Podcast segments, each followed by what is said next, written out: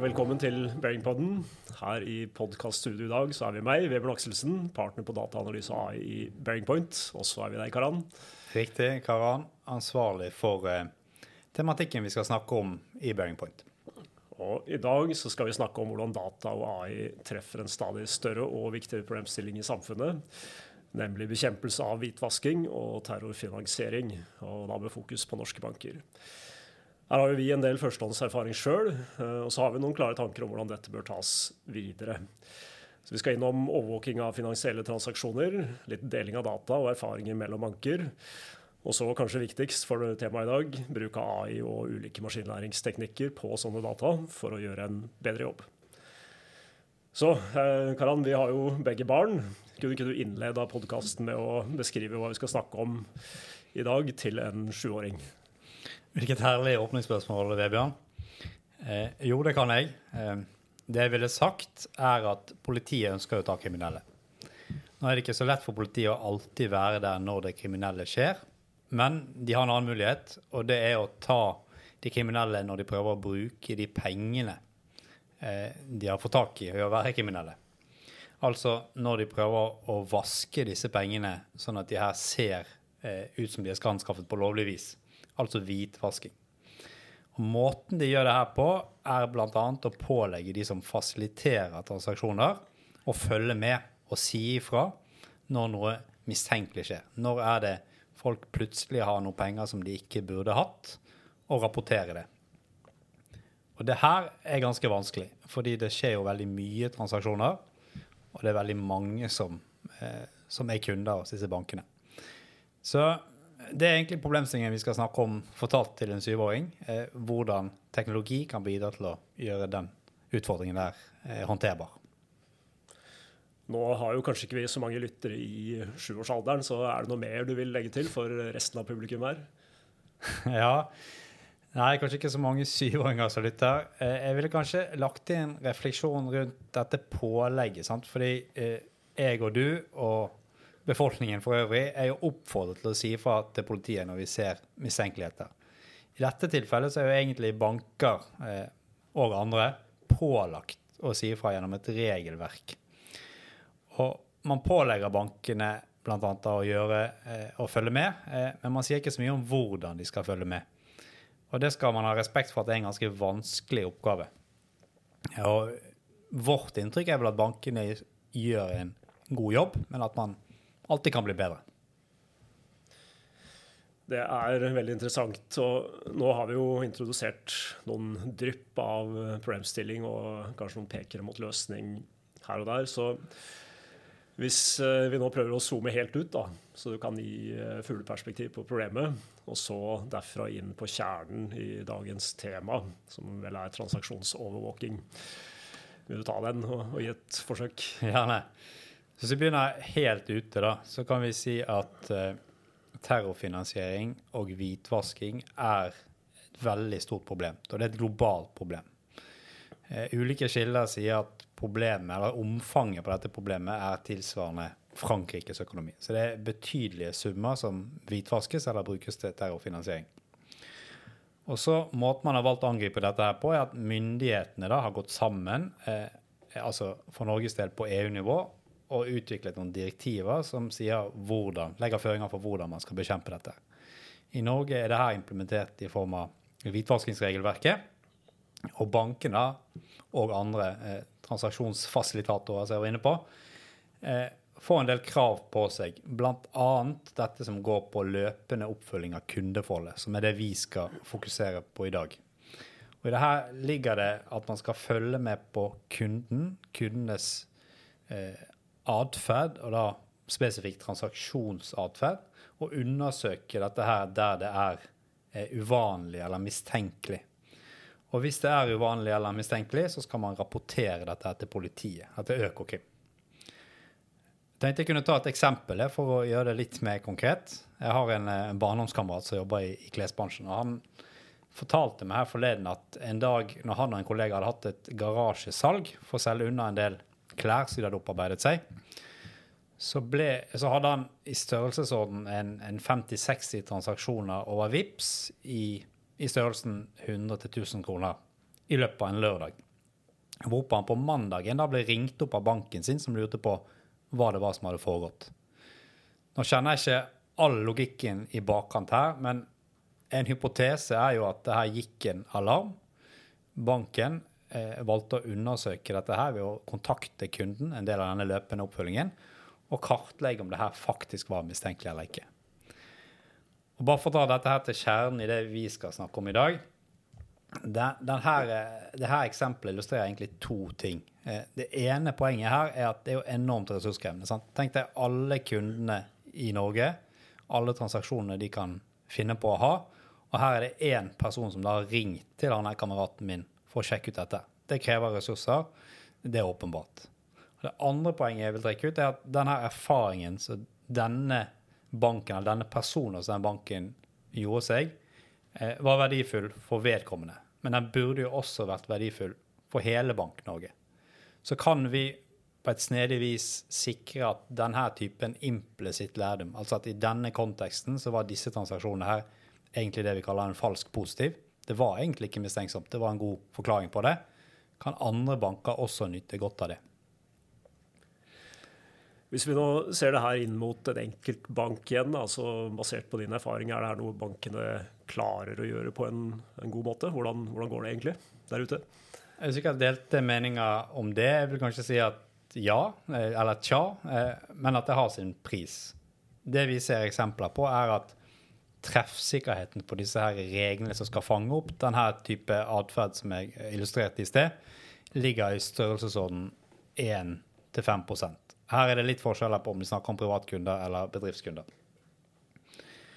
Eh, om vi syns det er bra eller dårlig, eh, kan jo vi diskutere. Det vi også kan gjøre, er å se hva tilsynet mener, altså Finanstilsynet som, som følger opp dette pålegget. Eh, og Hvis vi går gjennom tilsynsrapportene for 2022, på etterlevelsen av dette hvitvaskingsregelverket, så ser vi eh, akkurat på transaksjonsovervåkning og løpende oppfølging at de nevner tre ting som, som, er verdt å merke seg. De sier at reglene for å overvåke kundemassen er eh, for få, eh, og kanskje ikke dekker all type risiko som man skulle ønsket, spesielt for bedriftskunder. Og så sier man at reglene ofte er for enkle og for generelle, eh, hvilket jeg tolker som at de, de, mener at de ikke er treffsikre nok, og sånn sett bidrar til å vanne ut fokuset. Og kanskje at de bidrar til å bygge opp en restanse av, av, alarmer som ikke er undersøkt. Og Her ligger det jo en undersøkelsesplikt som i utgangspunktet sier at bankene må følge opp disse alarmene så fort som mulig. Det siste de, de tar opp på dette punktet her, er jo at undersøkelsene må ta utgangspunkt i mistankegrunnlaget. Og det her er et stikkord vi kommer tilbake til. Altså, eh, skal man ringe han her kameraten min opp igjen, så må man vite hvorfor man ringer. Hva var det som gjorde at dette her så eh, mistenkelig ut? Så kort oppsummert, eh, de kan nok bli bedre. Det er en pågående prosess. Eh, og det er jo litt av bakgrunnen for at vi er her. Eh, så hvis jeg snur, snur litt eh, rollene her, eh, Vi har jo tenkt at AI kan spille en vesentlig rolle her og hjelpe til med å løse denne problemstillingen.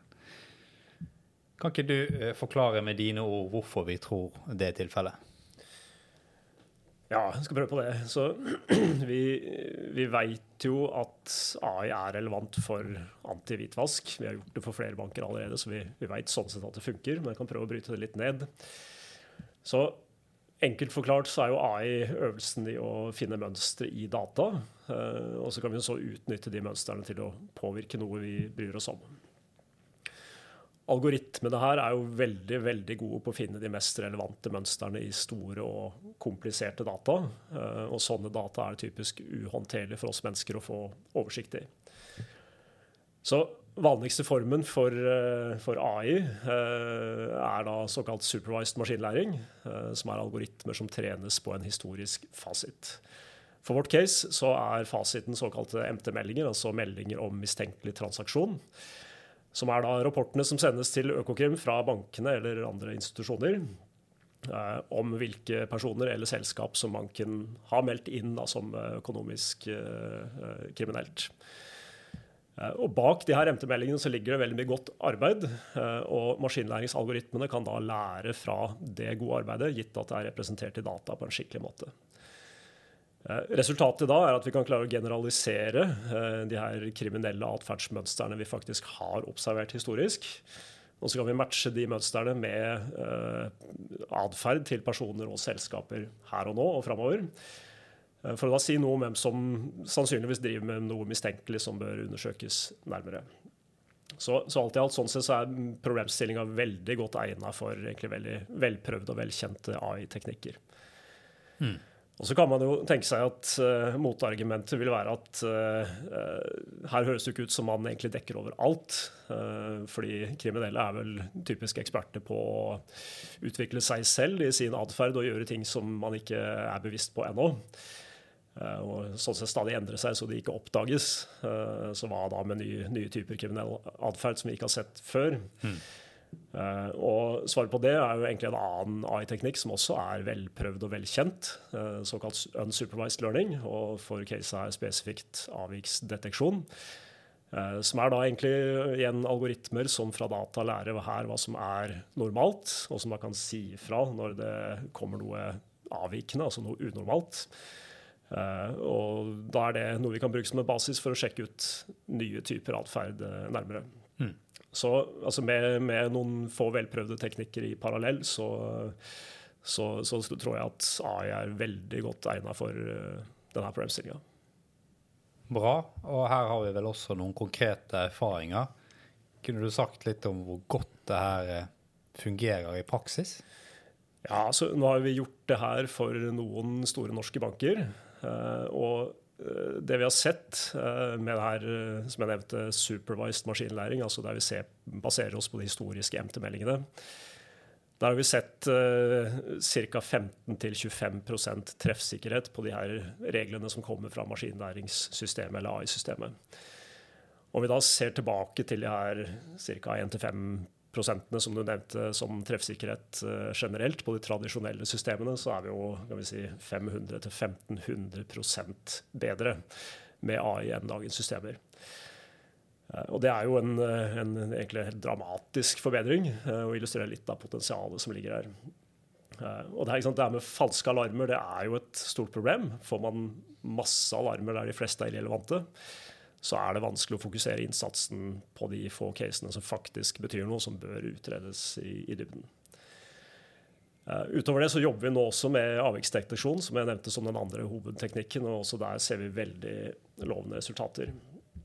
Uh, og For å gi en betraktning, om vi zoomer det her litt ut igjen, så Sånn konservativt så har vi anslått at norske banker bruker ca. 300 millioner eh, på transaksjonsovervåkninga, altså på den ressursinnsatsen, så den er virkelig vesentlig. Eh, og Da blir det jo tydelig da, at det er viktig å jobbe smartere for å tjene det samfunnsoppdraget bedre. Eh, og som vi vet, altså Kampen mot hvitvasking den er helt, helt sentral for å sikre et bærekraftig økonomisk system. Så erfaringene våre, som er veldig veldig lovende, tilsier at her har vi en tilnærming som er, som er riktig på et, et, stort samfunnsproblem. Det her høres jo nesten for godt ut til å være sant, Vebjørn. Og da tenker jeg at det må være noen hindringer eller noen utfordringer man må løse på veien. Hva, hva er hovedutfordringene for å kunne anvende dette? Ja, altså Noe er det. Så vi ser egentlig to, to grupper kan vi si, av, av hovedutfordringer. Det ene går på dataene man bruker, og det andre går på tillit og etterlevelse. Så skal vi forklare det litt nærmere. Data kan vi kanskje parallelt kalle erfaringer. Altså som nevnt de her MT-meldingene som vi snakka om, hvor man har gjort et arbeid med å vurdere hvem som har en mulig kriminell atferd. Det er erfaringer man har gjort seg, og det har man typisk representert i data. En utfordring her er jo datamengder, altså om man har nok sånne erfaringer til å, å sette maskinlæringsalgoritmer og AI på problemet. Her skiller det seg gjerne litt på privatmarkedet og bedriftsmarkedet. Så man har gjerne flere sånne tilfeller i privatmarkedet, og, og da relativt sett færre i bedriftsmarkedet. Det vi ser, er at uh, noen banker kan ha nok data til å gjøre det her på en god måte, men uh, det gjelder ikke de fleste i Norge i hvert fall. Så vi tror samarbeid er veldig sentralt for å gjøre det her på en god måte generelt i bransjen. Særlig gjelder det på bedriftsmarkedet, hvor det er svært få banker som har nok data. Innenfor data er det også viktig å ha kontroll på det juridiske. Eh, vi treffer jo på et vell av lovverk her, med hvitvaskingsloven, personvernforordninga og finansforetaksloven. Og det er selvfølgelig helt kritisk å vite at man behandler data på den problemstillinga her i tråd med lovverk og, og formål ellers. Eh, men det, det, mener vi er håndterbart. Eh, og så må man kanskje også bemerke at det der blir særlig viktig når man ser mot eh, jeg nevnte samarbeidene mellom banker, som vi kommer tilbake til. Andre hovedutfordringer som jeg nevnte, var jo det vi kalte tillit og etterlevelse. Eh, og her kommer vi litt inn på det som går på svart boks versus hvit boks AI-modeller og tilhørende grad av gjennomsiktighet på de. Eh, og behov for tillit det treffer også på flere nivåer. Det ene er hos medarbeiderne i bankene. Altså Stoler de egentlig på et system som bare peker og sier her er det noe mistenkelig, uten å gi noe mer forklaring på hva som ligger bak? Kanskje ikke. Det her skal jo tas i bruk og, og has, has tillit til av de som uh, jobber med det her i det daglige. Eh, her er det også etisk aspekt, og det er jo en generell problemstilling med svartboks AI-systemer at det er fare for diskriminering, så man må forstå og unngå eventuell uheldig bias i systemet. Så det er argumenter for å tenke i retning hvitboks-modeller. Ellers så vil det jo generelt være et ønske om å forstå, sånn at det er lettere å ta i bruk effektivt det man uh, baserer seg på. Uh, og igjen, er ting gjennomsiktig, så er det mye kortere vei til det. Og så har vi da I tillegg til eh, perspektivet inn mot medarbeiderne i bankene, så er det etterlevelse av regelverket som er generelt. Og eh, et viktig konsept der er jo det som går på undersøkelsesplikt basert på mistankegrunnlaget i hvitvaskingsloven. Nøkkelordet der er nok mistankegrunnlag. Eh, og vi ønsker jo igjen å ha et grunnlag for å følge opp de her, de her kundene som, som flagges. Og sånn som dagens lovverk og praksis er, så er det åpenbart en mye kortere vei til mål om AI-systemet gir en tydelig forklaring eh, på hvorfor en kunde er flagga. Så sant, tilbake til eksempelet ditt med, med garasjesalget. Eh, hadde, en, hadde, det ligget da, en svartboks AI-modell eh, bak, bak, der, så ville det vært veldig vanskelig for den AML-utrederen å, å følge opp din kamerat hvis man ikke da visste hva som var årsaken til flagginga. I dette tilfellet så var det jo vips transaksjonene som var uh, uvanlige. Uh, men det kunne jo vært så mangt, uh, og da er det veldig viktig å ha en, en tydelig peker da, mot, mot, hva som egentlig lå bak den flagginga. Mm. Men heldigvis så finnes det jo gode hvitboks-algoritmer som kan brukes, og som er velegna for problemstillinga. Mm. Så data og tillitsbygging er to hindre kan ikke du fortelle litt om hvem eller hvordan man har løst dette her i dag, og i hvilken grad dette her anvendes i Bank-Norge? Yes, jeg skal prøve å gi en oppsummering. Um, her kan vi trekke to ulike skillelinjer hvor én går på størrelse på bankene, og en annen går på hvordan man tilnærmer seg denne problemstillinga datamessig og analytisk.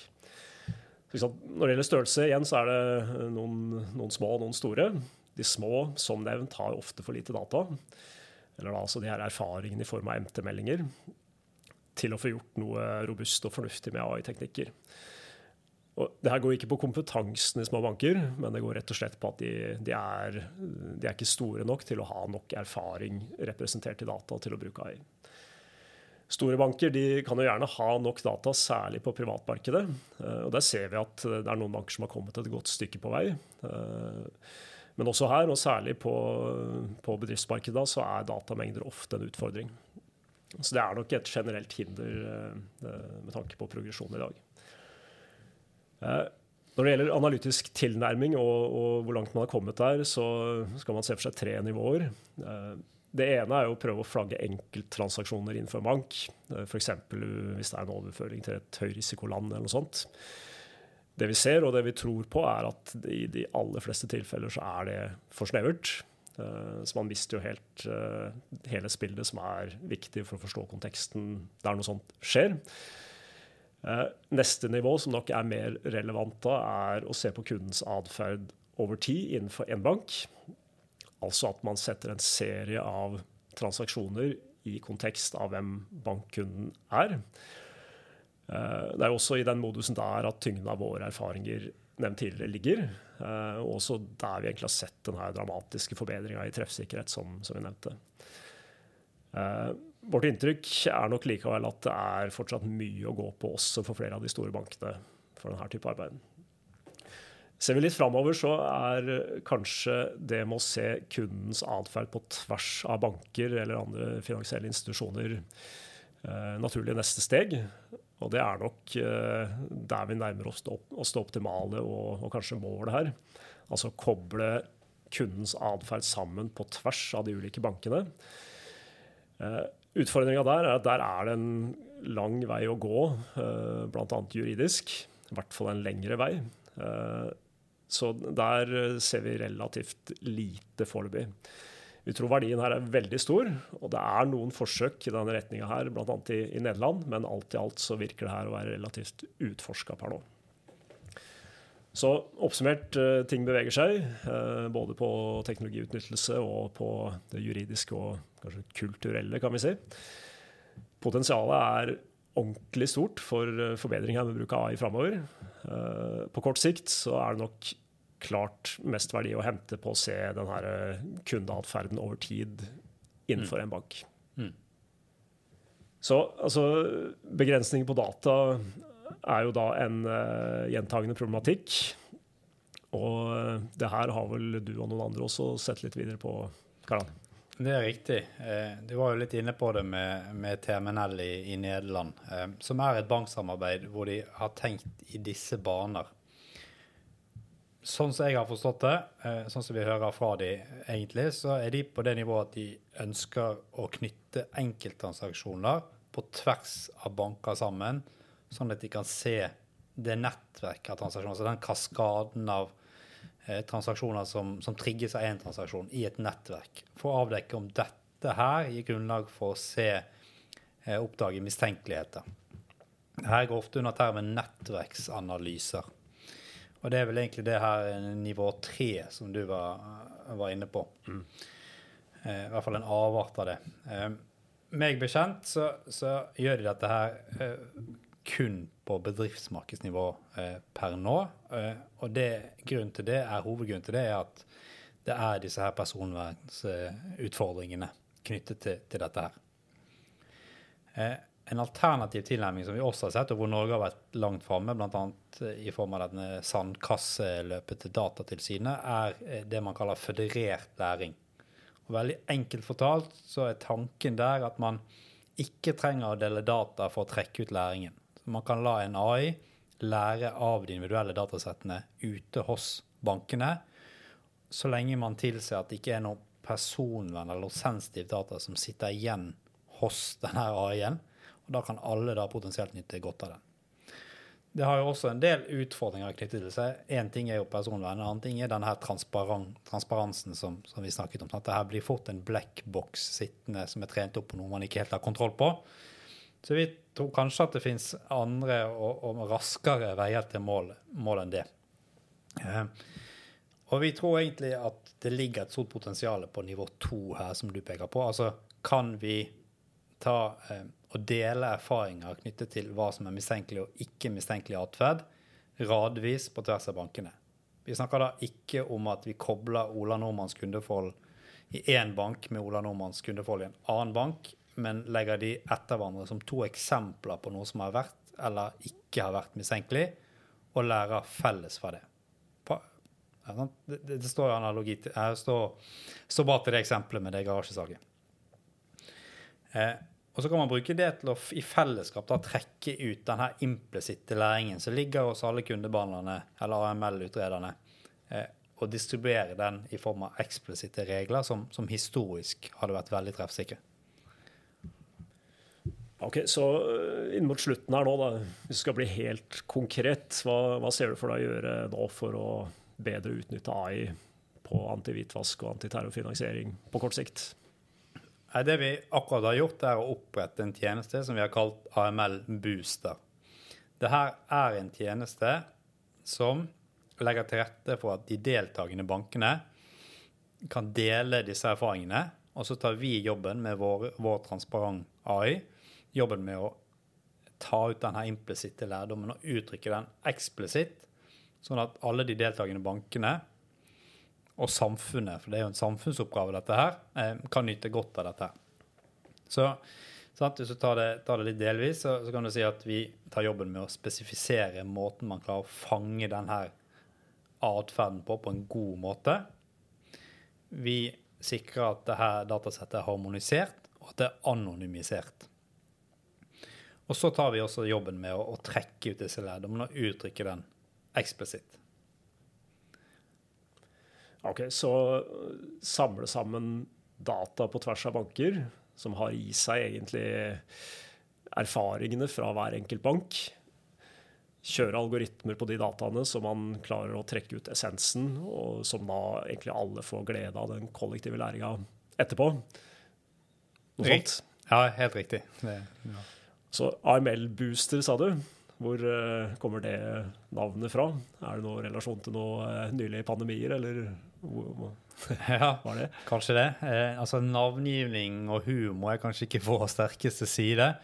Men tanken bak AML Booster er at vi alle etter hvert nå har utviklet noen assosiasjoner til booster. Jo, hva er det en booster gjør? Eh, jo, det folk tenker på da, er kanskje at man, man frisker opp immunapparatet sitt, sånn at det står seg mot nye virus. Litt på samme måte som vi her ønsker å, å friske opp eh, bankenes eh, mot, eh, mot eh, hvitvasking og terrorfinansiering. Det var det vi hadde for i dag. Eh, hvis dere vil høre mer om AML Booster eller vårt arbeid med AI innenfor AML, så ta gjerne kontakt. Takk for at dere lyttet. Ha det godt. Ha det godt.